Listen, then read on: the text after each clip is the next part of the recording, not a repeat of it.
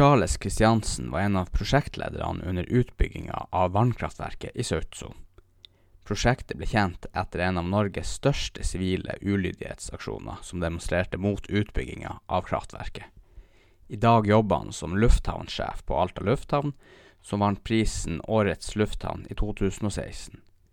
Han forteller om sine erfaringer som leder etter mange år i næringslivet.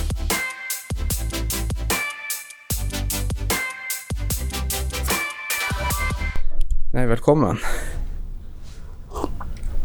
Takk skal du ha. Fersk kaffe og fornøyd. Ja da, fersk kaffe og en time på jobb for det. Ja, ja. Kommer til deg. Ble en kjapp time, det. Ja da, det gjorde det. Er det, det er nok å gjøre nå? Ja da, det, det er mange ting som skal på plass nå på høsten. Det er jo budsjetter, og det er eh, prognoser i neste år og osv. Så, videre. så Og det er jo en spesiell tid nå med covid-19 og, og usikkerhet hva som skjer i, i flybransjen framover. Så, så det er ikke bare å være spåmann i dag. Nei. Nei, det kan jeg tro. Det dere er jo midt i, midt i smørøyet da for denne koronasituasjonen, som jeg kan tenke meg. Ja, flybransjen og, og reiselivet er jo hardt, hardt ramma. Så inntektene er jo borte. Og, og det er jo usikkerhet med, med hvordan ruten blir framover. Eh, det er jo et minimum i dag, og jeg håper jo da at vi for Altas vedkommende og Nord-Norge da har, har et en viss uh, mengde ruter, slik at uh, vi klarer å betjene publikummet som skal reise. Mm. Men usikkerhet er det. Ja, Men du har vel ikke alltid vært eh, lufthavnsjef? Hvor, hvor eventyret ditt starta? Nei, det starta Jeg er jo fra Kjækan i Kvænangen, så, så, det starter jo der Jeg, jeg gikk den gamle syvårig folkeskole, og så var det reise ut og ta seg utdannelse. Og jeg havna i Kautokeino på ungdomsskole, for at ja. det, det, var det nærmeste statsinternatet som, som var da. Alta f.eks. hadde jo ikke statsinternat, men Kautokeino hadde det. og Der gikk jeg 8. og 9. klasse for å ta, ta meg videre på gymnas. Ja. Sta, statsinternat, det, det er egentlig bare skole, rett og slett? Nei, det er jo uh, Altså, du hadde jo uh, altså ungdomsskole i Kautokeino, og så hadde de et internat som var knytta til ungdomsskolen og ja. barneskolen. Ja. Så da hadde du skole og husrom. mm, ja, hele pakka. hele pakka, så, så, det er jeg veldig fornøyd med. Og hadde en fin tid de to årene jeg var i, i Kautokeino, og lærte også en ny kultur å kjenne som er ganske nært uh, den kulturen du har i Kvænangen fra gammelt av.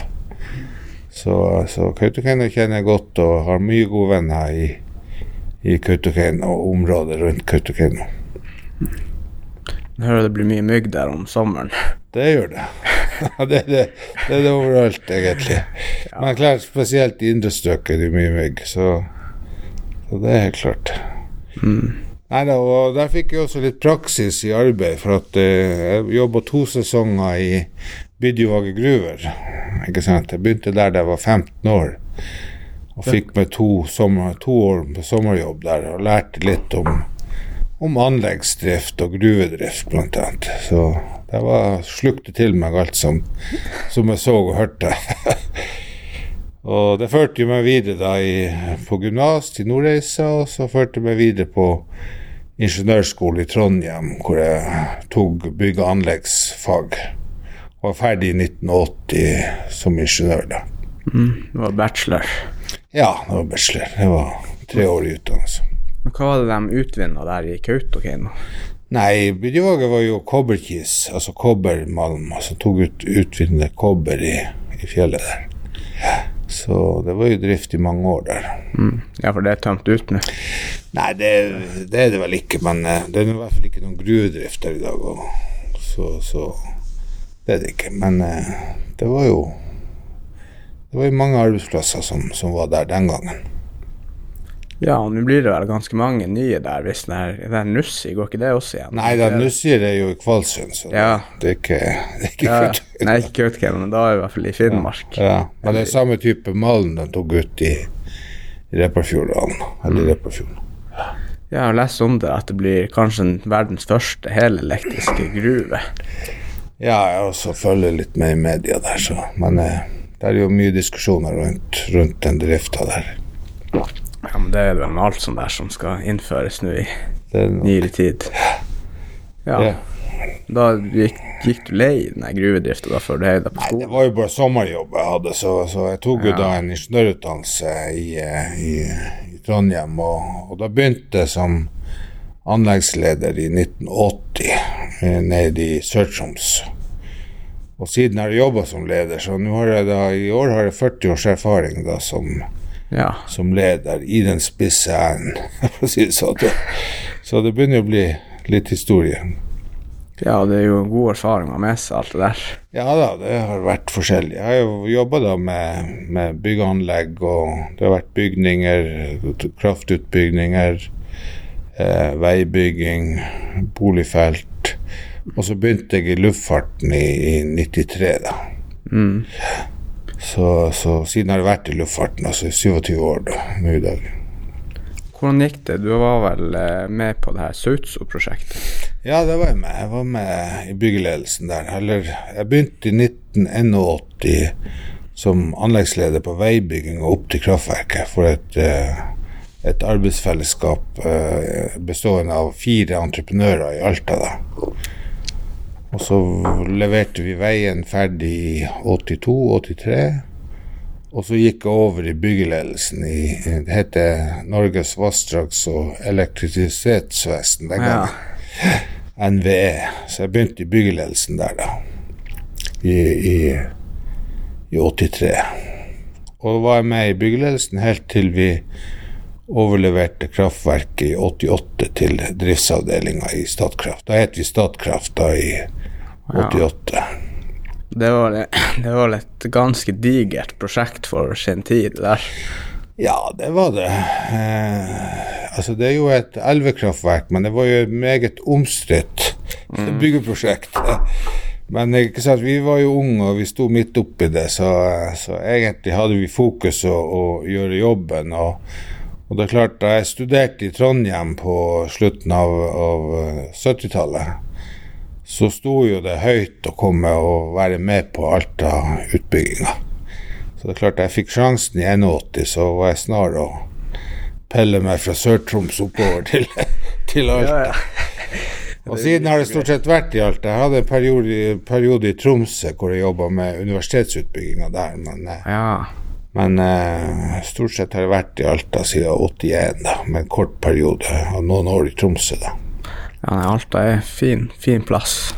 Ja, det Jeg må si at uh, naturen og de mulighetene vi har i, i Alta Det er bare fem minutter, så er vi ute i ingenmannsland, for å si det sånn. Og du ser ikke en sjel, liksom. Det er jo fantastisk, det, det Alta tilbyr av natur og, og Ja, og så er det en liten, fin plass hvor du har det meste du, du trenger.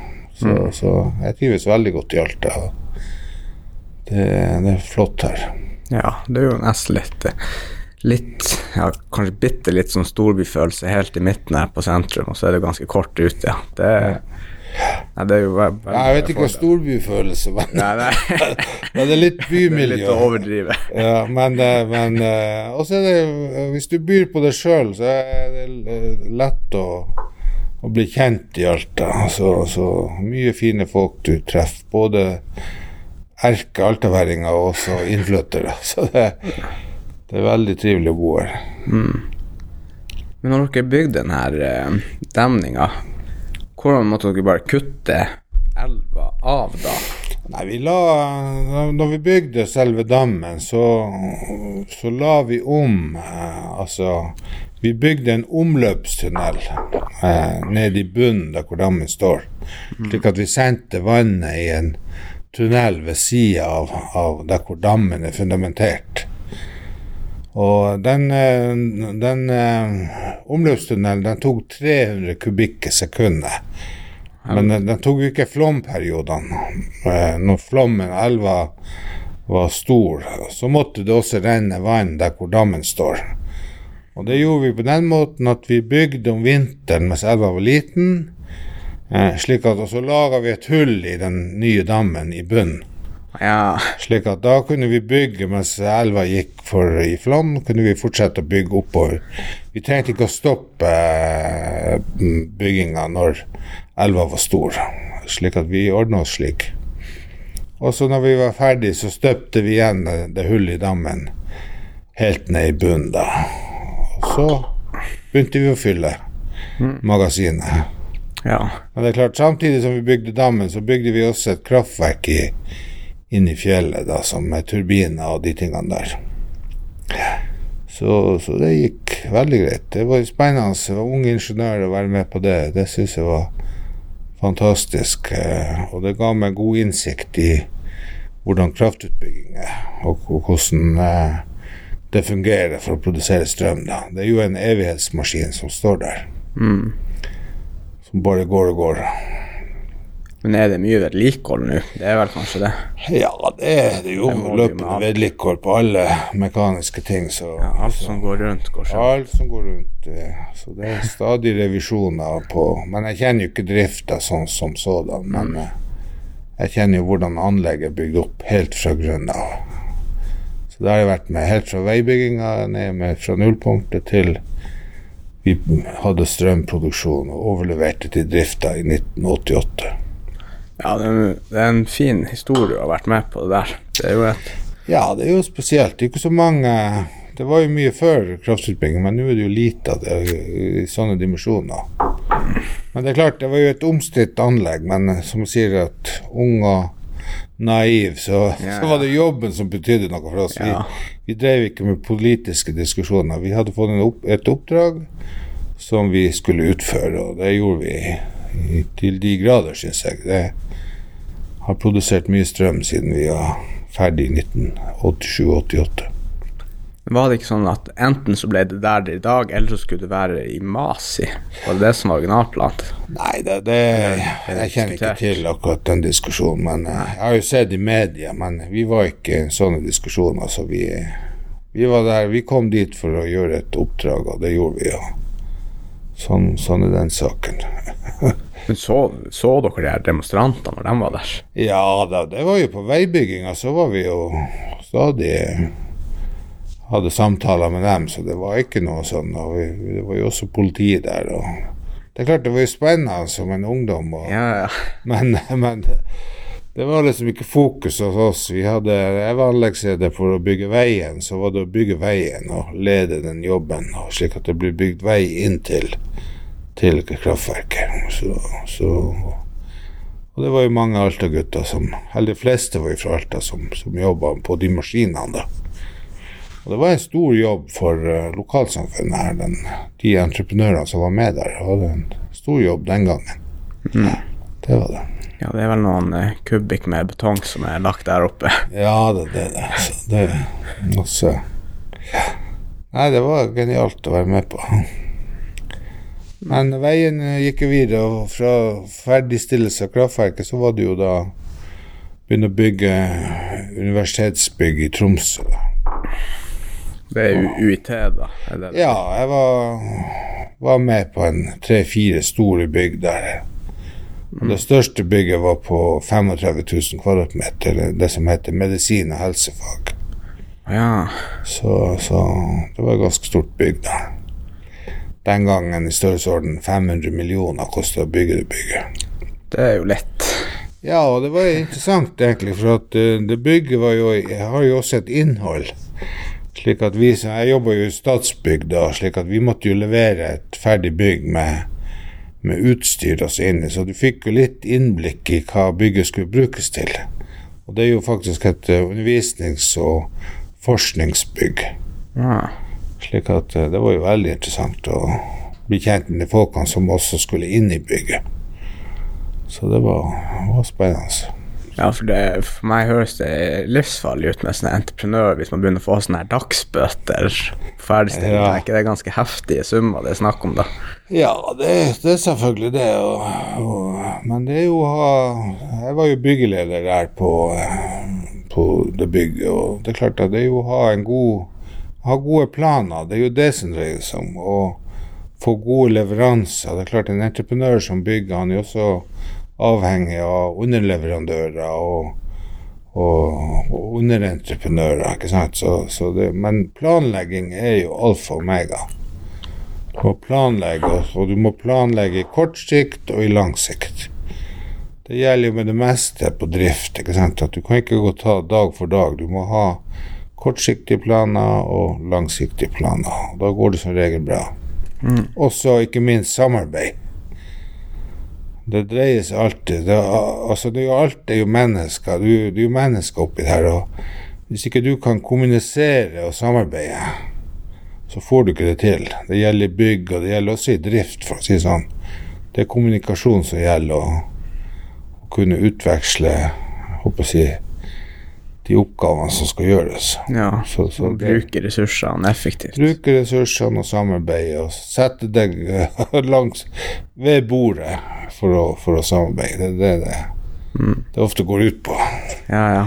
sånn er det å være leder også. Det, det er jo å kunne kommunisere og samarbeide med dem du skal lede.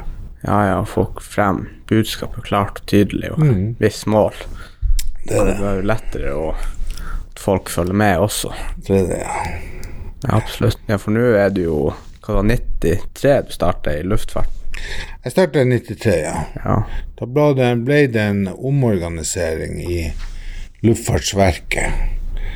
Og da var de ute etter nye ledere. Eh, du kan si at det man gjorde, liksom man man beholdt halvparten av de gamle lederne, og så kom det nye ledere i hele Norge inn. Og jeg, jeg begynte da i noe som heter Region Finnmark. Luftfartsverket Region Finnmark. Og det var alle flyplassene i, i Finnmark pluss Sørkjosen som var inne den gangen. Og noen år senere så fikk vi også inn i region Da het det Region Nord. Da fikk vi inn Bardufoss, Troms og Svalbard. Og da var da var vi 15 lufthavner i den regionen som jeg, jeg jobba i som, som, leder. da. Og da var jeg leder for bakketjenesten i, i Region Nord. da. Og det var en stor avdeling. Det var 250 ansatte i den avdelinga da, i, i ja. nord. Det er en del folk å ha kontroll over. Det var en del folk å holde styr på.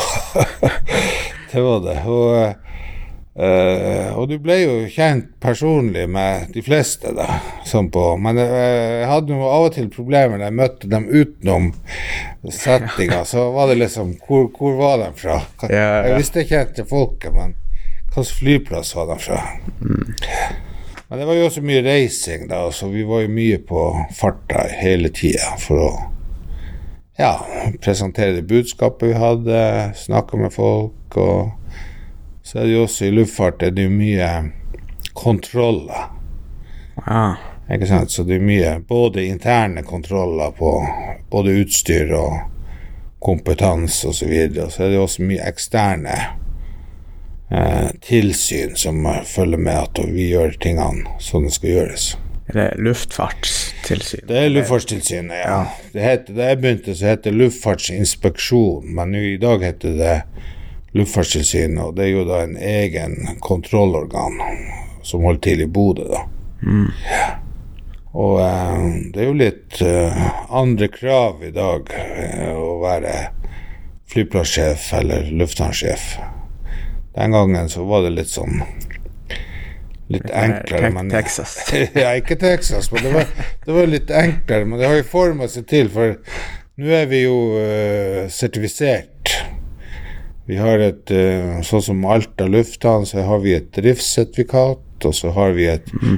utformingssertifikat som Luftfartstilsynet eh, gir.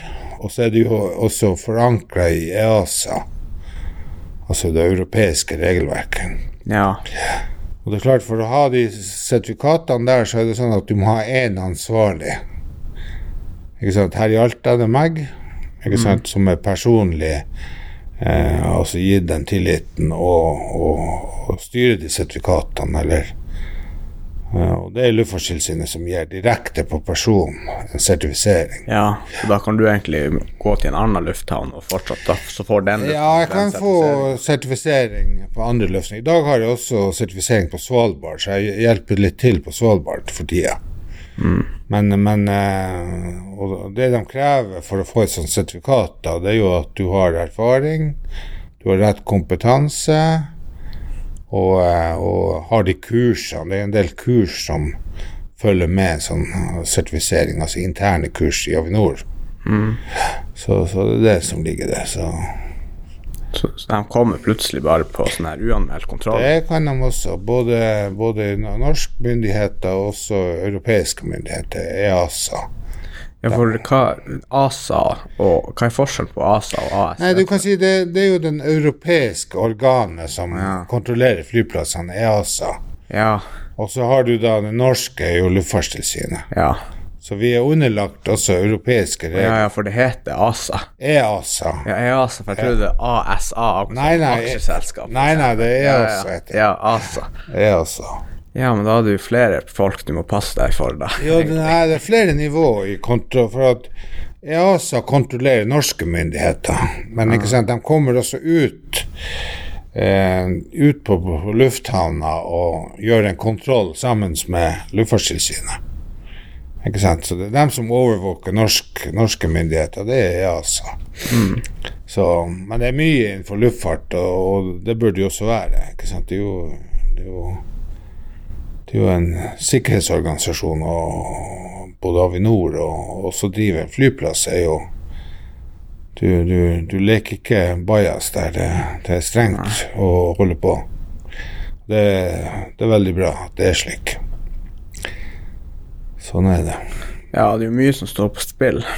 Ja. Det er ikke så positivt når et fly detter ut av himmelen, for å si det sånn. Nei, det gjør det ikke. Nei. Det er trygt å fly. Veldig trygt å fly. Ja, jeg tror ikke det flyet er vel en av de sikreste transportmidlene i hele verden. Ja, flyet. Det, det er mange barrierer. Så det, det, er strenge krav. Både til dem som opererer fly, og til å vedlikeholde fly, og også for vi som driver lufthavn. Så vi er jo en flyplassoperatør Avinor, men vi, vi, har store, mange barrierer for å, for å drive, en, uh, altså drive en flyplass. Det er alt fra security til safety, og, og det er mye opplæring, og det er mye kontroller, og det er mye sjekker som skal til. Vi driver og kontrollerer det meste, holdt jeg på å si. Ja. Men det viktigste er jo selvfølgelig jo, håper jeg, i Nord-Norge, det er jo den vinterdrifta vi har. Altså plasttjenesten. Ryddes ned. Det høres enkelt ut, men Det er jo mye, mye areal å rydde snø fra. Det er mye areal, og det er mye vær og vind, og, og det er mange ting du skal hen, ta hensyn til, men der er vi flinke i Norge. Vi er, vi er det beste i Ja, noe av det beste som, som, som som gjør sånne jobber. I Norden er vi flinke med vinterdrift. Jeg fikk ikke dere noen pris her for Ja da, vi har fått, uh, vi har fått noen priser for okay, Årets lufthavn? Ja da, det har vi fått to ganger. ja, det er jo rått, Ja, det er bra. Det er... Hvor mange lufthavner er det her i Norge totalt? Nei, vi er jo 45 nå, så ja, ja, da er det jo ganske Ja da, vi, vi, har, vi, har, gjort det bra i alt, så det, det er jeg stor fornøyd med. Så det, det er kjempebra. Mm. Men det er mange flinke folk rundt omkring. Avinor er et godt selskap å jobbe i. Veldig fornøyde. Ja. Men det er jo viktig å ha en plass man liker å jobbe. Ja, det er, det er jo sånn at uh, Det er jo en ting at du jobber i et selskap, men du, jo, du må jo også skape en arbeidsplass som er trivelig å være i. Ikke sant? Og, og uh, måten du gjør det på, etter mitt syn, det er jo Altså, du må jo ha godt humør. Uh, det er jo selvfølgelig noen svarte dager, men det må gå fort over. Så du må hele tida ha et positivt uh, innhold i, i, hverdagen, for da blir det trivelig å gå på jobb. Og mm. det er jo å dra resten av folka med på det. Og det skal være gøy å gå på jobb. Og eh, det føler jeg at vi på lufthavna har klart. Vi har kjempegodt miljø mellom hverandre og de selskapene som er der. Så lett tone og god humor. Så går det, går det meste greit. Ja, men da har jo du, sant, når du er leder, så har du mye ansvar for å ta det humøret over på de andre. For hvis Ja, du går og er, og er ja, sur hele dagen, så går det jo fra toppen og ned. Ja, da blir jo alle, alle andre alle. Nei, det, det, det er å skape et fellesskap, og at alle er jo brikker i et Det er jo et maskineri. altså en Lufthavn Vi har jo åpen 24 timer i døgnet. Og, eh, og det er klart at da må du skape at alle er jo viktige brikker som, i en organisasjon. Og det er klart at Og vi har en flat struktur. altså Alle ikke sant? Det er ikke noen som er Det er klart noen har ansvaret, men det er ikke noen sånn at du står og gir vakt til sjefen. Det er Alle er like med. alle, alle er like menn. Ja. Så det er veldig bra. Og samarbeidet er på topp. Ja, for det blir vel en del multitasking der nede. og Det er det. Ikke dere brannfolk også der? Vi har brannfolk, og vi har snekkere, vi har rørleggere, vi har elektrikere, vi har stuere, og vi har det meste av kategori folk, altså. Og ulike arbeidstider. og- Så det er mye, mye folk og mye stor kompetanse på en lufthavn.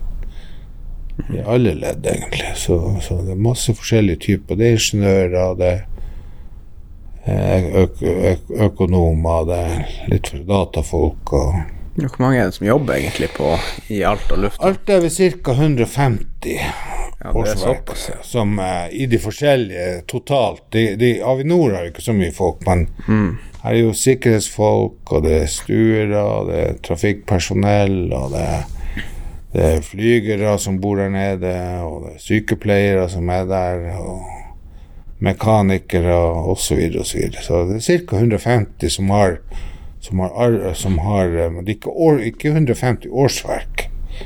Det er 150 personer som frekventerer i forskjellige typer jobber der nede. Sånn cirka. Det varierte. Vi var oppe i 180, men nå jeg tror vi er 150 nå i dag, sånn cirka.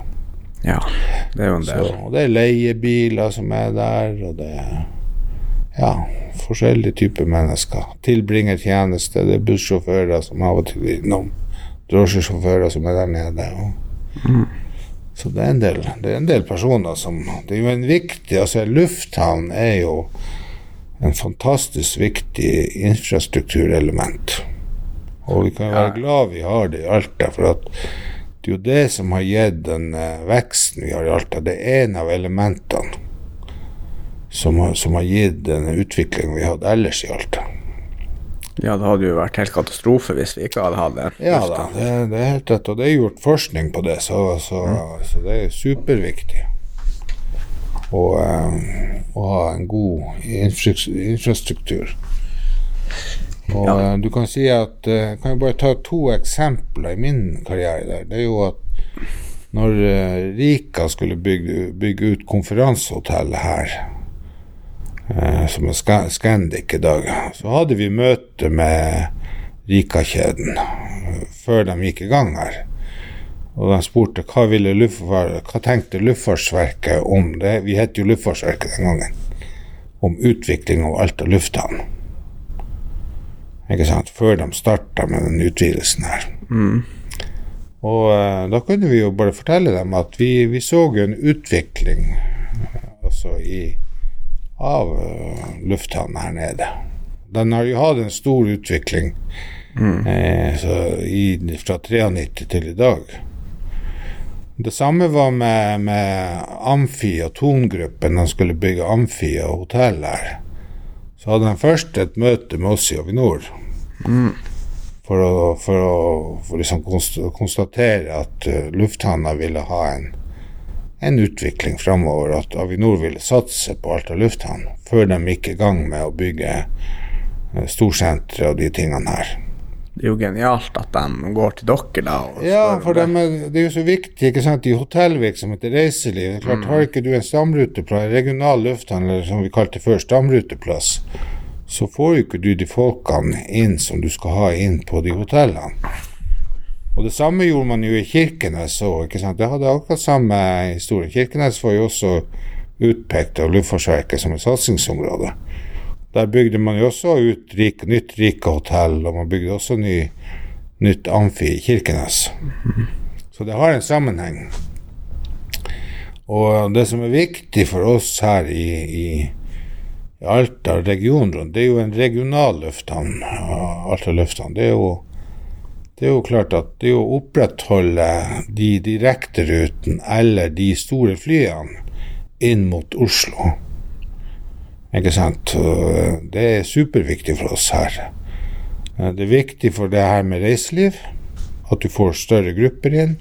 Hotellvirksomheten. Og det er også viktig for frakt.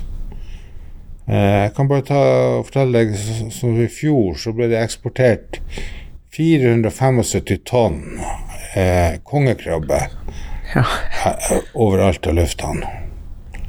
Ja, det er jo en Det er jo en ganske stor mengde, og det går jo nesten daglig. I sesongen så går det jo daglig på de store flyene, altså buklast med, med ferskvarer innenfor uh, krabbe og fisk. Som, som kan gå med de store flyene. Det får du ikke du inn i et uh, Widerøe-fly. Nei. Så, så det, det, er jo superviktig det her å ha litt kapasitet. Og selvfølgelig når vi har også konkurranse i luftfarten, så får du også billige billetter. Ikke sant, på de store flyene. Ja, så kanskje det er derfor det er veldig kritisk at Norwegian holder seg i live gjennom det her. Ja, det er viktig for, for reiselivet i Norge, og også billettprisene i Norge, at vi har en viss konkurranse. Det er ikke noe tvil om det. Ja, ellers blir det jo monopol. nesten. Ja. Da kan vi ta hva vi vil. Ja. Nei, men det er superviktig at vi har eh, fly mot hovedstaden og ut i verden fra hovedstaden, altså fra OSL. Ellers er jo det som er viktig her for samfunnet her eh, og regionen, det er jo at vi har ambulansebase. Vi har en ambulansebase på Alta, vi har også det i Kirkenes som, eh, som ikke dekker bare Alta og Kirkenes, men den dekker jo altså Hvis en, et menneske blir syk i Honningsvåg, så er det fly i Alta som rykker ut for å hente pasienten i Honningsvåg og fly den enten til Hammerfest eller Kirkenes eller Tromsø. Så det er jo superviktig for, for uh, beredskapen at vi har ambulansefly stasjonert. I Alta har vi to, to fly stasjonert hele døgnet. Og det første flyet har en forventa skremningstid på 20 minutter. Da skal det være i lufta. Ja. Og Derfor bor det jo folk Det bor både flygere og, og sykepleiere på flyplassen som kan bemanne det første flyet. Og vi har jo også da lufthavnvakta eh, og tårntjenesten i beredskap. Slik av. da, da røkker de 20 minutter, så er de i luften, faktisk. Ja, det er jo en ekstrem rask Det er raskt, for at du skal jo også ha brøyta rullebane om vinteren. Ja, ja. Ikke sant? Og Derfor har vi jo folk på natta som driver med preventiv vintervedlikehold. Hold rullebanen sånn noenlunde, og når det blir trykk på knappen, så tar de liksom finishen på, på rullebanen, slik at flyet kommer opp. Mm, ja, så det er liksom alltid klart. Alltid klart. Det er det. Hele døgnet er det. Sånn er det. Så hvis folk hører brøytebil og ikke ser noe fly, så, er det det som skjer. Da, da driver de og vedlikeholder rullebanen og har den klar i tilfelle det skal komme en skremning på ambulansen. Og Da skal det være 20 minutter, så skal det være oppe i luften. Og det er viktig for hele, hele Finnmark. Og det er jo sånn at eh, Kirkenes har ett fly, og vi har to i Alta. Det er klart at hvis det flyet i Kirkenes er ute, så må man kanskje fly til Berlevåg, til Øst-Finnmarka. Og vi har også hatt fly i Alta som har røkka helt opp til Svalbard. Såpass, ja. Ja, her fra basen her i Alta, hvis det har vært opptatt i andre flyene. Sånn som i Tromsø, da. Så det er en viktig, viktig eh, sikring for befolkningen i Finnmark at vi har to ambulansebaser i Finnmark. Det er superviktig. Og spesielt i Alta, hvor det ikke er sykehus. Ja, ja, Ikke sant? Så er det helt eh, essensielt å ha ambulansevirksomheten i gang på fly. Og det er ofte slik at, at uh, altså, veiene kan jo være stengt, men flyplassene er åpne. Sant? Det skjer ofte det om vinteren. Er Bare jf. forrige vinter, hvor det var veiene var mye stengt, men det var ingen flyplasser som var stengt. Vi har Avinor klarte å holde åpen. Det var jo stengt i perioder, men, men vi hadde aldri noen Det var ingen ambulansefly som ikke fikk lande på eller i nærheten av uh, der hvor pasienten var. Så, så det, det, er egentlig unikt. Ja, men jeg husker det var jo mye Før var det jo mye mediestorm rundt de her Hva heter det, Barkok, eller? Men nå har det jo Nei, Babcock. Babcock ja. ja da, men det men sånn er det. Når man skifter, skifter leverandør, så det er alltid noen barnesykdommer. Sånn var det da Lufttransport kom inn, ikke sant, som ble operatør. Var, først var det Air Express, og så ble det Lufttransport. Og så var det Babcock. Så det er alltid noen barnesykdommer på nye fly og nye, så mm. det var mye støy. Men eh, nå går det så det griner. Ingen problem. ja, ja og media er sikkert også flinke å blåse opp mye. Det. det er selvfølgelig skal ikke mye til for det. Nei, for det overalt. Det er mange Det er mange Håper å si bedre, bedre vitere som, som, skal si noe. Men vi som er i bransjen, vi så jo det der det kommer til å gå, gå bra. Så, eh, så det gikk bra, og det går bra. Babcock leverer 100 stort sett hele tida. Det er nye fly og nytt materiell, og mye av de samme folkene er jo sitt bak spakene og god ja. erfaring, så. Ja. så det har roa seg i høyeste grad. Mm. Skal ikke bare gi varmekabler på luftlinja Nei, de stripa der. Nei, vi har, vi, har, vi har, faktisk regna på det, så Å ja, dere har det? Men et av problemene om du For det første går det jo mye energi å varme opp Uh, og for andre så må du ha en uh, Hvis du tiner det vannet, så må du ha et uh, overvannssystem som, mm. som må ta imot det vannet du tiner. Ja. så det, er ikke bare å Nei. sette varmekobler i. Nei, vi har, vi har, sett på mange muligheter. Men vi har nok landa på å ha godt utstyr. gode folk som kan vinterdrift. Mm. Det er det som er clouet. Ha kapasitet. Så, så være på hugget liksom hele tida, det, det, er viktig. Det er en viktig jobb de gjør. Det, det er klart at det, det, er store fly som skal ned. Det er 70 tonn som skal stoppes på et par tusen meter, så det, mm. da er det god, godt å ha friksjon i rullebanen, at du kan stoppe. Ja, jeg syns enda det er rart at man har de her metallflyene oppe i lufta, egentlig. ja. Det er jo litt ja. uh, forskning bak det der. ja. Nei da, det er viktig Det er en viktig uh, funksjon det å ha en flyplass. Og så er det jo finansiering av det. Det skal jo Det er klart, sånn som Alta og alle flyplassene her i Finnmark er jo ulønnsomme i utgangspunktet. Ja.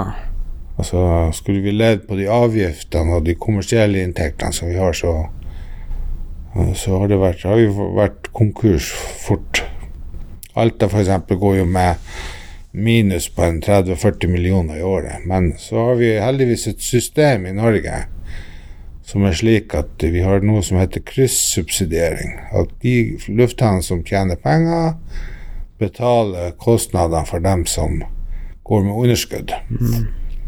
Og så er det sånn at uh, luftfartssystemet da i Norge går totalt med overskudd, og vi, vi har jo også betalt inntil nå da utbytte til staten hvert år. Ja. Så, så, staten har hatt inntekter av det systemet vi har, og, og Avinor har jo betalt alt av drift og investeringer som er gjort, i tillegg betalt uh, overskudd i staten. Nå trenger vi jo da hjelp i disse tider. Ja, ja. Eh, for nå har vi ikke inntekter. Og da har jo staten putta inn foreløpig penger til oss. Eh, vel litt over fire milliarder vi har fått nå i Bare til Alta? Nei, til i Avinor. Ja, ok. Så, så foreløpig. Men vi er jo i en stor omstilling ikke sant, for å redusere kostnadene, også i Alta. Vi, vi er nødt til å tilpasse oss etter den trafikken vi har, så, så det er mye jobb nå for å se på hvordan kan vi drive det mer effektivt og billigere. Nå har vi alltid jobba med det, da, men, eh, men eh, nå er det spesielt hvor vi har bare halvparten av flyene. Ja, det er jo Så, så da må vi jo tilpasse. Og det ser jo ut som også at eh, det vil vedvare. Det er ikke noe som går over så, veldig fort. Så, sånn som eh, våre folk, de, de som gjør analyser i Avinor, de sier at 2019-trafikken er ikke tilbake kanskje for i 2024-2025. Ja. Slik at vi får nå noen, noen magre år og, og noen tøffe år, både innenfor eh, det jeg driver med, og selvfølgelig den som driver innenfor uh, turisme og reiseliv. Det er tøffe tider vi går i, i, møte.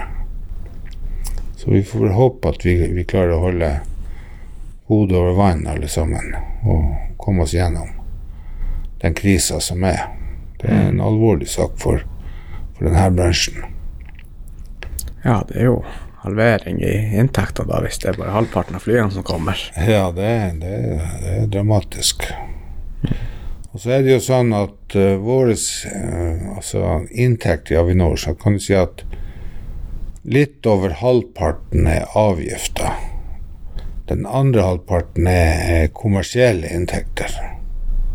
Det vil si at vi, vi driver jo kafévirksomhet, Mm. reklame, parkering osv. Og det er slik at eh, når du betaler parkering f.eks. på Alta lufthavn, så er du med egentlig å holde eh, flybilletten nede. For hvis vi skulle tatt alt på avgifter, så hadde det blitt dyre flybilletter. Men, men vi driver en, en, en kommersiell drift i tillegg til at vi tar avgifter. Som igjen holder flybillettene nede, altså avgiftene til flyselskapene. Ja, ja, for det er derfor det Så så du skal betale parkering med glede når du parkerer. Tenk deg så at de pengene du putter inn der, er en del av uh, å holde flybillettprisene nede. Og det er derfor det er så dyrt for øl på flyplassen. ja, Det kan du si. Men det, det Du skal betale det med glede, for at det holder Derfor kan du reise, og derfor kan vi ha billige flybilletter. Mm. For at vi driver en kommersiell drift i tillegg til den avgiftsbelegget vi har på, på fly. Sånn er det sammenhengen. Og det er et selvgående system. Staten putter ikke noen penger inn i, i Avinor-systemet. De henter heller ut uh, utbytte. Unntatt i år, da, hvor vi er i en krise. Sånn er det. Sånn er mekanismen. Ja, man må tjene penger der man kan, Ja, rett og slett. det må man.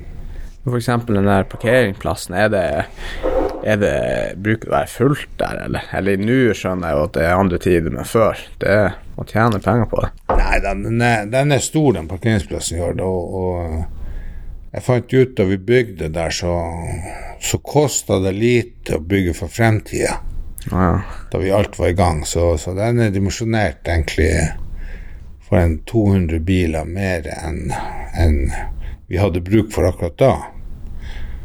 Og det som er med terminalen og, og ja, uteområdet og parkeringsområdene i Alta, det er dimensjonert nå til 2040.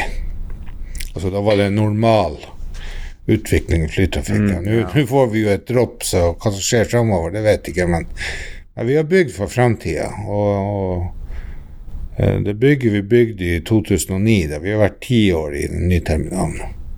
Den har fungert veldig bra. Det er selvfølgelig ting du ser du kunne gjort annerledes, men i, i hovedtrekk så fungerer flyplassen veldig greit. Det er nært eh, inn med fly, det er lett å komme seg gjennom. Og så kan du si at av og til kan det jo være litt kø i sikkerhetskontrollen og sånne ting. Men, eh, men vi har sagt det skal aldri være over 20 minutter. Ok. Det er det som vi har som måltall. Det er klart at Vi kunne jo putta mye folk og gått fortere, men det er også et kostnadsspørsmål. Men eh, 20 minutter eh, skal ikke det være. Du skal ikke stå lenger i kø enn 20 minutter. Selvfølgelig har vi glippa noen gang på uh, Vi ikke visste at det kom to-tre busser fra kysten Ja, eller og noen ekstrafly, så noen ganger har vi glippa på det, men det er ikke mange ganger i min karriere. Så som regel går det veldig greit igjennom. Ja, men det er jo bra. Man må jo ha et mål over hva man skal. Ja da, vi måler jo hele tida. Vi prøver jo å, å, finne ut hvor mange passasjerer er det til enhver tid på hver fly, og så bemanner vi etter det. Så, så vi hele tida er vi på hugget, liksom, for å få at det går greiest mulig. Så sånn er det. Vi, vi prøver å gjøre det, det beste det, med de midlene vi har. Mm. Ja, for den er jo litt mer fancy denne flyplassen enn den tidligere som var før dere bygde. Ja det er det. Liten oppgradering. Det ble Vi har um, Altså, jeg starta i 93 her. Og det første jeg husker jeg begynte på en mandag, og onsdagen gikk jeg befaring for å få tak i mer eh, altså områder, altså eiendommer. Eh, vi var ned mot Nerelvebakken, og det var seks eh, hus da vi måtte kjøpe opp seks eiendom og faktisk flytte folk som bodde der. Ja. Eh, det var jo for å begynne å forberede den nye, altså nye Alta lufthavn. Eh, og da kjøpte vi opp noen eiendommer som måtte fjernes pga. Eh, sikkerhetsavstand fra rullebanen. Okay. Eh, og så kjøpte vi opp eh, noe her nede mot havna fra kommunen der hvor tankanlegget i dag gjør Der hvor fuelanlegget Er det helt venstre? Det blir helt vest på flyplassområdet. Ja. ja. Og så kjøpte vi nå litt i forhold til Altegårdsskogen, litt grann i kanten der for å bygge den nye veien rundt parkeringsplassen. Og så kjøpte vi en del på Altagård fra militæret, eller det var jo egentlig kommunen som hadde overtatt da. Altagård, og så måtte vi kjøpe opp noe eiendom der for å få plass til en til hangar og sånne ting. Og så har vi i ettertid også kjøpt nå en del av Altagård. Så jeg satt bare og tenkte i går hvor Vi har kjøpt eiendom her for jeg tror det er 35-40 millioner i min tid for å lage alt av nye lufthavn. Ja. Ja, det... For å få plass til Det er jo nokså trangt. En flyplass trenger store, store areal, både på bakken og så ut og innflygning. Du har jo sektorer du flyger ut. Eh, Eh, innflygning og utflygning, og du har også sidesektorer på en lufthavn. Ja, det er liksom over for å få oversikt? Ja, det, nei da, men det, det, det, er luftrom. Du, må ha, du kan ikke ha noe hinder i inn- og utflygning, og du kan ikke ha hinder i en, eh, rundt en lufthavn. Det, det er ikke bare flatareal som gjelder. Det gjelder også opp i luften. Ja, ja, at det ikke står en mast plutselig. Ja, en mast eller en kran eller et eller annet, eller et bygg. Ikke sant? Så så en lufthavn krever store arealer både på, på bakken og også opp i luften. Du kan ikke fly mellom eh, bygg og sånne ting. Det, det, det, skal være hinderfritt, som det heter. Men det er klart at vi, vi måtte kjøpe mye eiendommer for å kunne utvikle eh, Alta lufthavn. Og, og, i dag så er det ingen av byggene uh, igjen som var, var, der i 1993. Alt er revet, alt er bygd nytt. Mm. Så, så, det er ganske stor utvikling på de årene. Og bygginga starta jo i 2006, egentlig. Det vi drev jo bygde der for å holde regelverket, men den alt av nye løftene starta i 2006. Og nå har vi revet det siste bygget, og i fredagen skal vi asfaltere hvor det siste bygget sto. Så, så det har vært investert masse, masse millioner. Hundrevis av millioner i alt. Ja, for Men har ikke dere akkurat fått et ny, nybygg der nede? Ja, det er det driftsbygget. Ja, vi, nei, vi, vi fikk et nybygg nå i sommer. Enda mer. Ja, så, så nå er alt av de gamle byggene revet. Og, og nå er det Nå kan jeg si at nå er det alt av nye lufthavn er på plass. Og vi har også gjort noe på banesystemet, ikke så veldig um, Særlig i Vestend har vi gjort en del uh, ute i havet der. Ja, hva da? Nei, da, vi har, uh, vi har utbedra sikkerhetssonene, kan du si. Så vi hadde et prosjekt som heter sikkerhets- og lysanlegg. Så vi uh, så gjorde alt av nye lysanlegget nytt, og vi kabelføringer og vi sikrer også sikkerhetssoner, overgangen til sjø og sånne ting. Ja. Så, så det, det, er jo ikke sånn som folk ser, da, men, men uh, bare det vi gjorde på rullebanen her for uh, i 2010, det kosta over 100 millioner. Så det er ikke noe du ser. En vanlig mann han ser ikke at det er gjort noe. Han tror det er samme rullebane han flyr på, men det er ikke slik. Mm. Så, så, det er mye som Og en flyplass er jo alltid bygging på. Hvis du ser Du, du har jo reist over OSL, f.eks. Du ser mm. alltid det presenning. Ja, ja. Det er det jo. Sånn er det i Alta, men det er jo mye mindre skala. Ja. og sånn er det ute på en flyplass på kysten, og det er alltid noe du må Nå blir det liksom hele tida forbedringer? Det ja, det er forbedringer, nye regelverk, ombygginger. Eh, så det er mye Det kommer nye instrumenter, og det, ja, det er alltid et eller annet på en flyplass. Faktisk. Sånn er det bare. Bruker dere ofte det der flyet som dere tar fyr på? Er det dere gjør? Ja, brannøvn. Nei, det, det brannøvningsfeltet i alt er lagt ned. Ok. Nå. Eh, vi har begynt å øve i, på Banak, altså i Lakselv. Ja. Eh, og uh, det er jo på grunn av at eh, å holde et sånt brannfelt i drift, det, det, er jo en miljøutfordring. Mm -hmm. Ikke sant? Det, det, det, er jo det. Og Avinor ønsker færrest mulig sånne brannfelt, ikke sant? og for oss i Alta så er det Banak. Der, der øver vi varmeøvelser. Vil si at vi øver jo på å tørrtrene og bruke utstyr her i Alta, men varm for å kjenne varme, ikke sant, det bruker vi Banak til. Og da har vi lagt ned det feltet vi har her.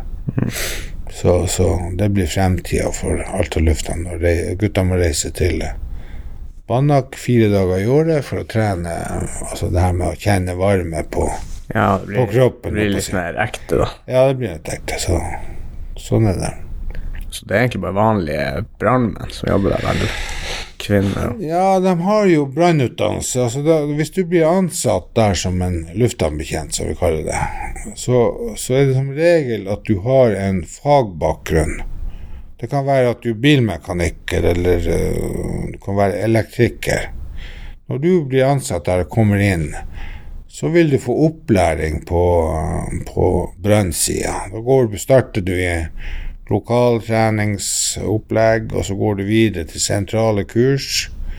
Så blir du opplært til å bli brannmann.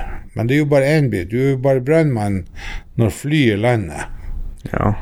Og imellom de brann... Si, da du er i beredskap, ja. så brøyter du. Da må du kunne kjøre tunge maskiner. Brøytebil og snøfres og hjulastere. Ikke sant? Det er, det er for å rydde snø. Men i tillegg eh, så må du kanskje kunne skru på en bil, eller snekre, eller være elektriker. Så det er en sånn multitasking. Altså, du blir egentlig en altmuligmann. Du er brannmann eh, jeg håper å si plutselig, og så er du hjullastekjører, ja. og så er du elektriker. Så, ja, flere fag. Det er flere fag, vi, og vi prøver jo å være mest mulig selvstendige på sånn lett vedlikehold. Ikke sant? At vi, vi gjør ting sjøl. Vi har verksted, og vi har elektroverksted, og vi har dataverksted, har vi, og vi har jo folk som er datafolk der. og så vi prøver egentlig å holde det gående. Men store vedlikeholdsoppgaver eller nye installasjoner, f.eks., da leier vi eh, folk fra bygda her. Og, og servicefolk har vi, å gjøre store servicer, så, så, er det jo folk som kommer til oss og, og gjør det.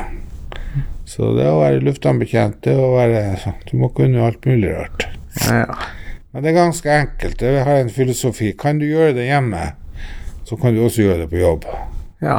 Ikke sant? jeg vet ikke hvordan jeg skal begynne med rørene på jobb. Nei, nei, nei, men der har vi rørlegger. Det, ja, det, ja, det sørger vi ansatte at vi har en rørlegger som, som, kan jobben, og vi har en bilmekaniker som kan jobben. Så, så, sånn er det. Men det er spennende. Det er jo å være allsidig, og det er jo artig. Ja, det er jo et litt eget samfunn da der ute. Det er et eget samfunn, faktisk. Sånn er det bare. Hvordan må du sjekke deg inn gjennom sikkerhetskontroll hver morgen? Nei, ikke på kontoret mitt, men hvis jeg skal på Det er jo sona, så må jeg gjennom sikkerhetskontrollen som alle andre. Mm. Så enkelt er det. Du vet vel noen bakveier du kommer til? Nei, der er ingen bakveier, det kan jeg bare si. Så, så nå må du nok fram med på lik linje med alle sammen. ja. Og sånn skal det være.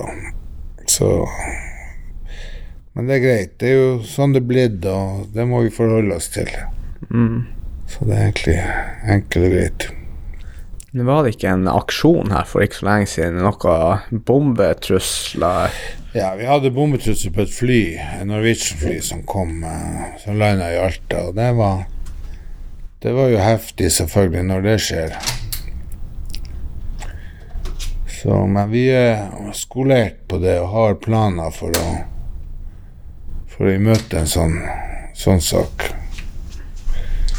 Og vi fikk jo hjelp av bombegruppa til politiet som kom opp med eget utstyr. Og men eh, vi, har, vi trener på det i Avinor. Overalt på alle lufthavner, og også sentralt i stab. Så det blir en del av hverdagen vår. Selvfølgelig, det er bombetrusler. Vi har uh, selvfølgelig flyulykker. Ikke sant, det er jo det. Og vi har også andre Det er pandemi, og det er Ja. litt forskjellig, så vi har planer for det meste. Uh, og det er jo en hovedstruktur i de, de planene, men det er jo alltid alltid Det blir ikke alltid slik som, som de planene tilsier. Men det, er greit å ha øvd og har trening på det, men det er jo alltid nyanser i en, en sånn setting. Mm.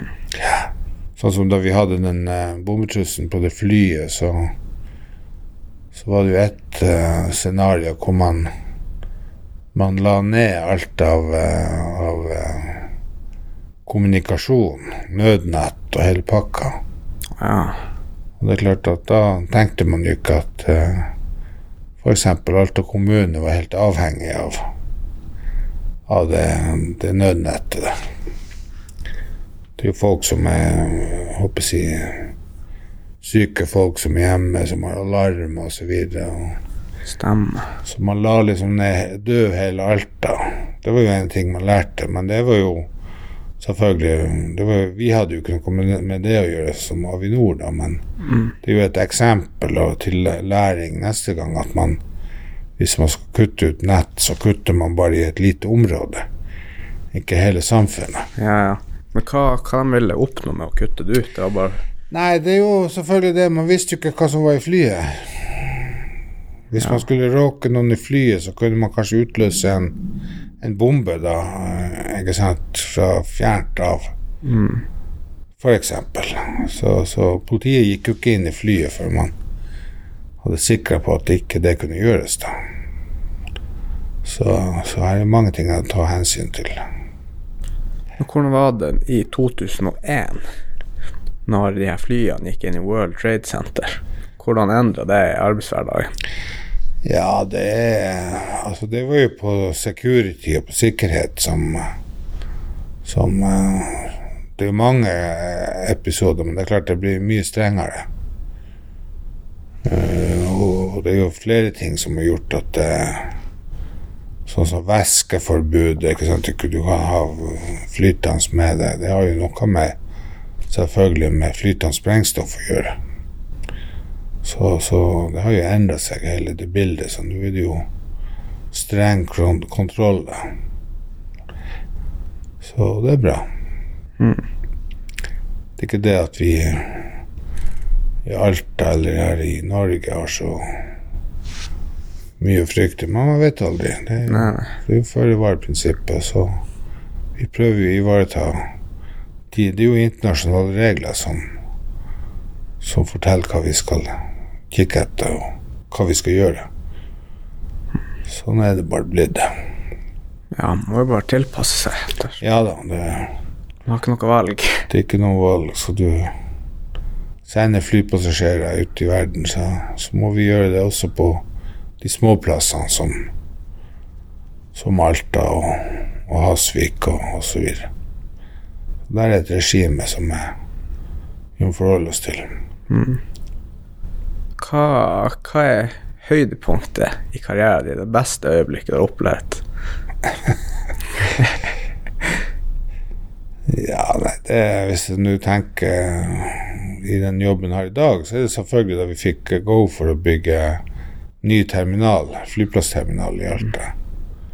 Det var høydepunktet. Jeg hadde jobba i mange år med reguleringsplan og hadde jobba kanskje i ja, 13 år hadde jobba med å få det til.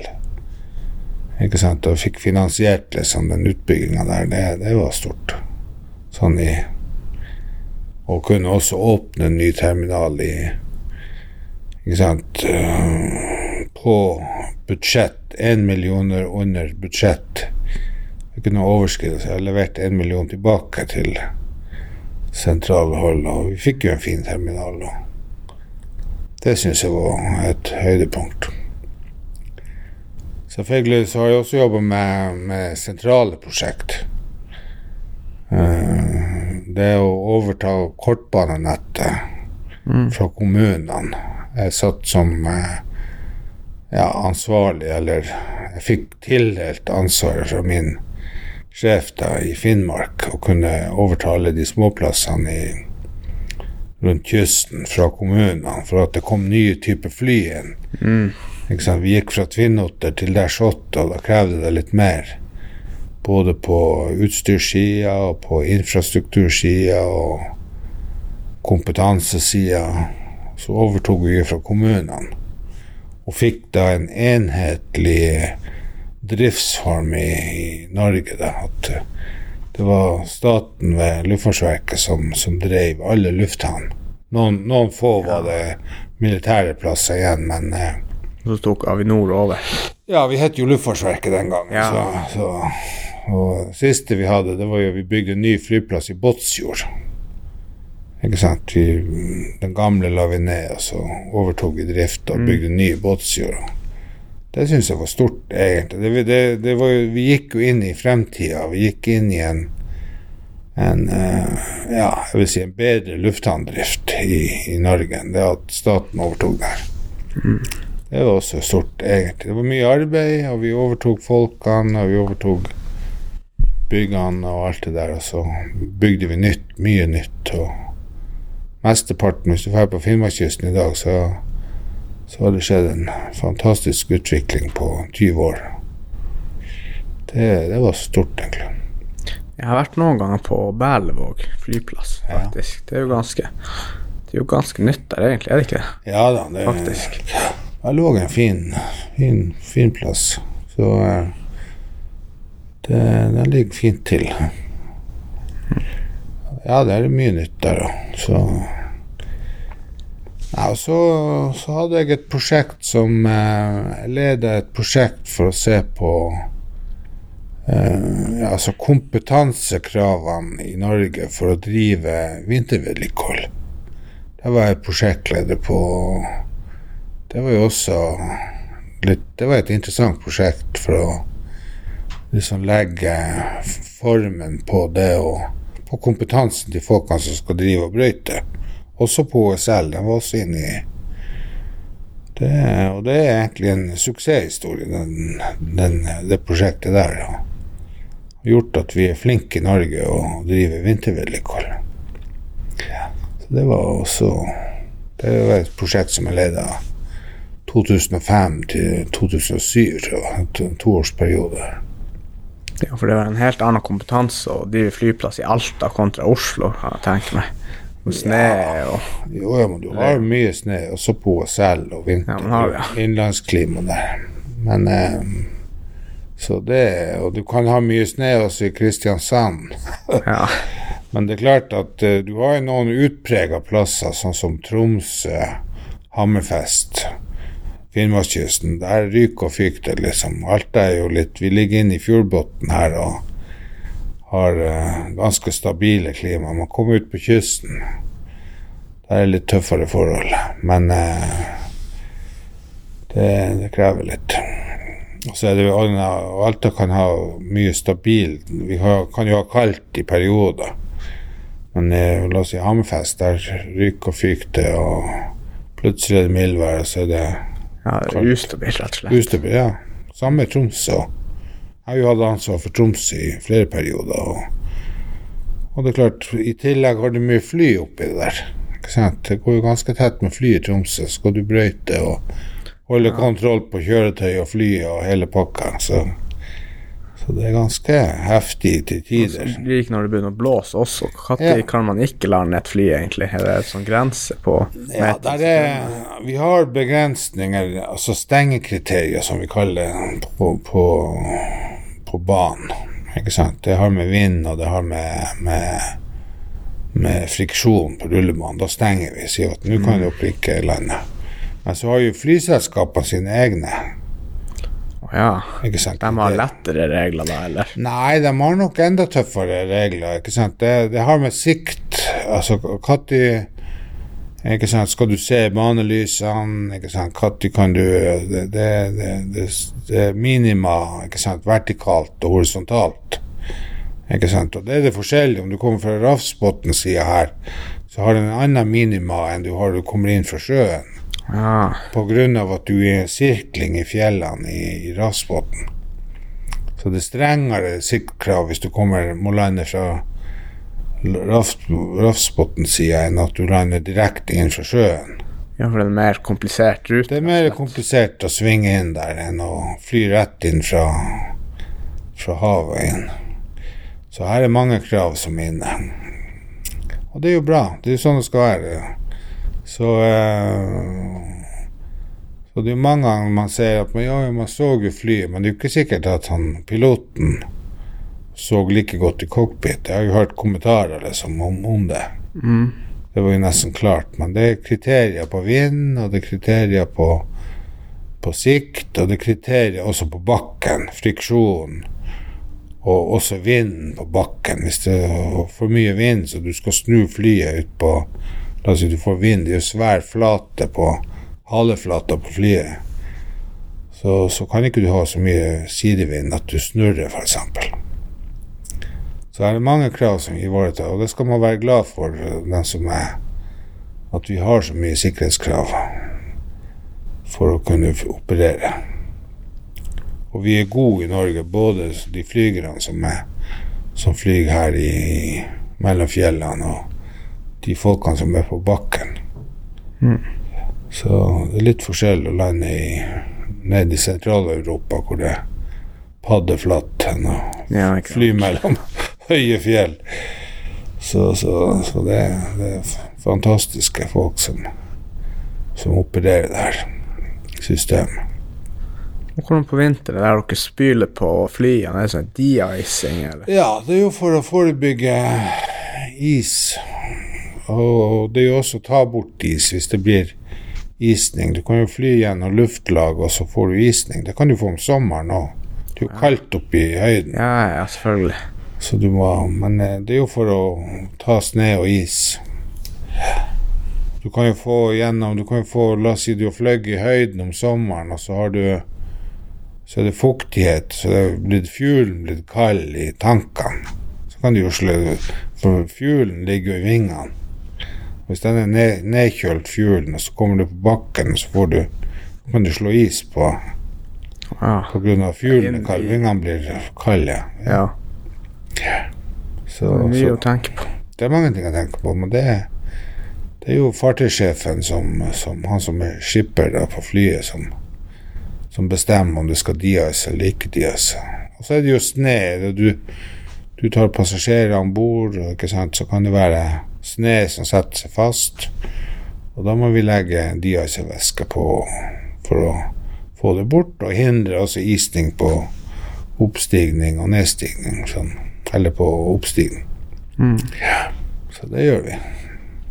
Hva, hvis du skulle gi tips til noen som har lyst til å komme i en sånn lederposisjon som du er i dag, vil tips til ungdommen?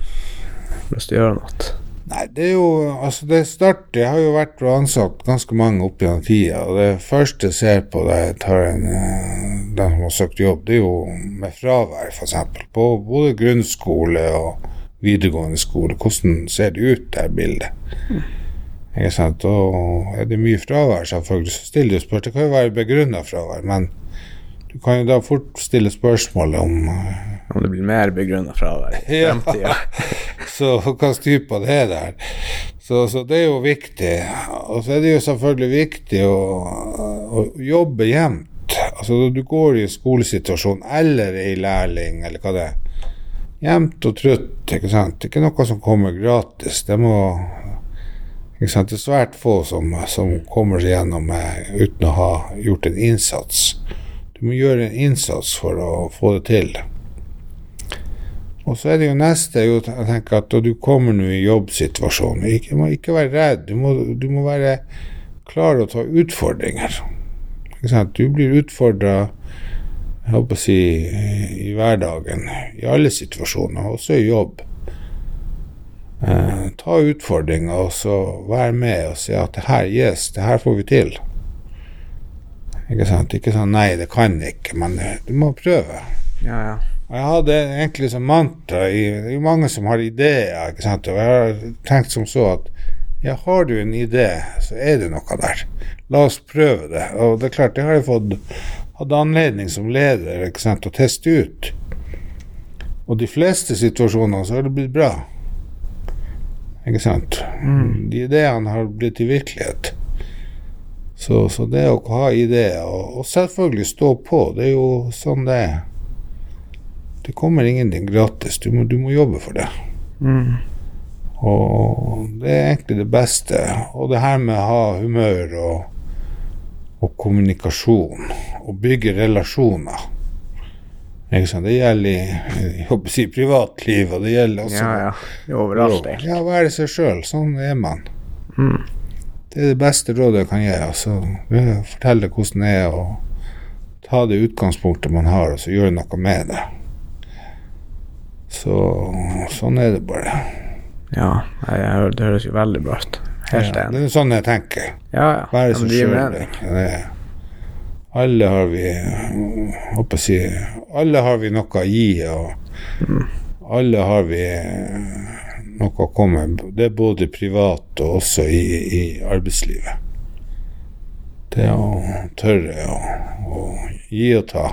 sånn. Ja, ja. Selge seg sjøl. ja, ja. Sånn er det. Men uh, har du noe fritid, da? Hva? Har du noe fritid? Ja, det har de selvfølgelig. Men det er klart å ha en, være lufthavnsjef er jo du er ikke bare den tida du er på jobb. ikke sant? Du har jo en lufthavn som går 24 timer i døgnet alle dager i året.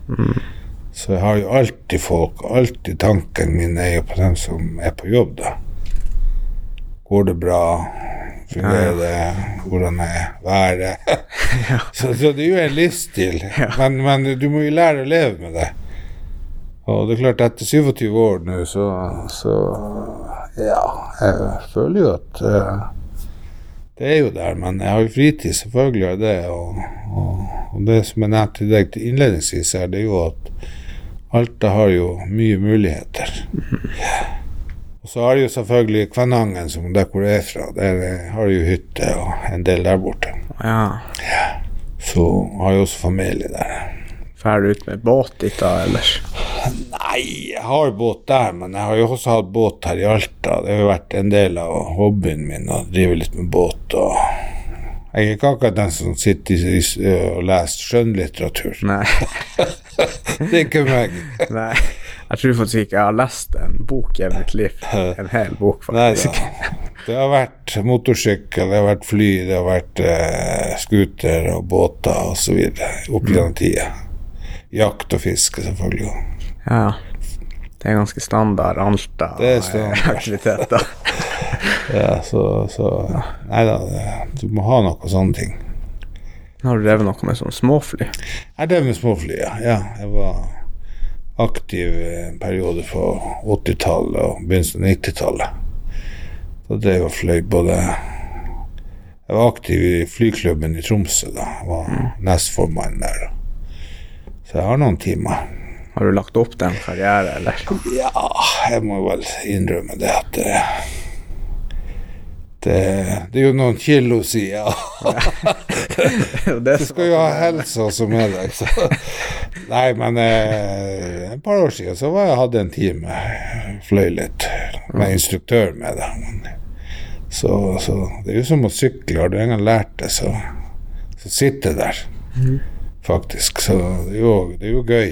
Det er jo det er jo kanskje derfor man havna inn i, i denne Ja. bransjen. Det jo, du har jo en genuin interesse for fly, så så det er jo artig. Men gøy var det. Men jeg tror, jeg tror ikke det blir noen uh, utløse noe sertifikat. Nei. det tviler jeg for.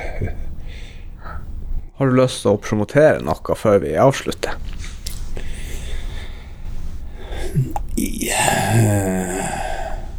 Fly mer. Hva? Hva du tenker på da? Nei, vi har noen datoer på noen eventer som skjer på flyplassen, eller Det er kanskje litt av sånt. Nei, det er lite nå. Det, det er jo egentlig å Nei, altså det jeg håper på nå, det er jo Jeg ser jo endringen i, i, i det her med reiseliv og utlendere som kommer. Det vil nok ta tid før vi har, har uh, samme turisme. Jeg tenker mye på den som driver bransjen, innenfor reiselivsbransjen. Og det jeg håper på, det er jo at uh, at vi bruker de mulighetene vi har i Norge, da. I større utstrekning. Og bruke de bygge, bygger på rundt dem som, som driver inn i reiselivsbransjen. Og Alta har jo masse fine muligheter, og det kommer jo nye muligheter her sånn, i nærområdet som vi kan bruke. Eh, og jeg håper jo de lykkes, de som satser, da. Her er jo flere som satser. Sorrisniva satser jo, og vi har flere aktører. Han Uglebakken og gjengen. Ja, ja. Ta julebordet, f.eks. i Skaidi. Ja. Ja, bruk, bruk de tingene vi har i nærområdet. Nei, vi, blir, vi blir absolutt å bruke noe lokale til julebordet. Ja, Bestemt. Tenke litt på stakeri eller ja og bruk eh, ikke sant, Ta ferie i Finnmark. Ikke sant? Det er masse muligheter på Jeg hadde en tur her i Vest-Finnmark for to år siden med noen fra Oslo som kom opp og leide bobil her, og vi kjørte i lag med dem. og De var helt vill. fascinert egentlig. De trodde ikke vi hadde så mye å tilby på her i, i fylket. Vi, vi hadde Sto med bobilen på Nordkapp, hadde lunsj ute på Nordkapp-platået. Eh, vi var i Havøysund, hadde en, en camp der med, med hotell i Havøysund. Fantastisk. Men det er klart, det er jo væravhengig, men det går jo an å kle seg. Ja, det er sant. Og vi har mye natur å ta, og mye vi kan gå i fjellene, og vi kan gå langs fjæra opp si, og vi kan fære med båt ut, og, osv. så videre. Så vi har mye vi kan bruke. Vi trenger ikke å reise til Syden. Vi kan bruke Sørøya, eksempel. Ja. Fisketurisme der er jo fantastisk. Ja, det Ta stor, stortorsken der ute. ja, ja, alltid ikke alle alteverdinger som har gjort det, eller Det har ikke jeg gjort, faktisk. nei, akkurat.